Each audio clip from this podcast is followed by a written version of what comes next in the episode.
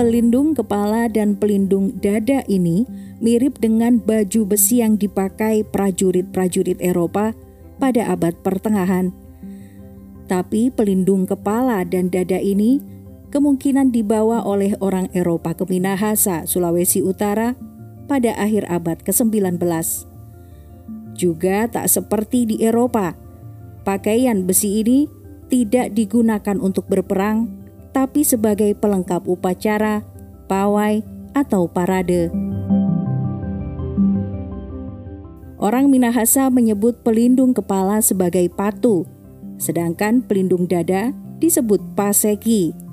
Pelindung kepala seperti ini pertama kali diproduksi di Inggris dan sangat populer di Eropa mulai abad ke-11 hingga ke-15.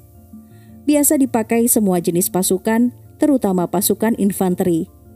Pinggirannya yang lebar memberikan perlindungan yang baik terhadap tikaman pedang kavaleri dari arah atas.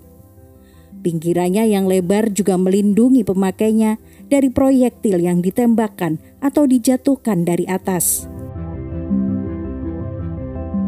Pelindung dada sendiri diperkenalkan pada tahun 1350-an untuk melindungi bagian tubuh prajurit di area perut dan dada untuk membantu menahan serangan tombak.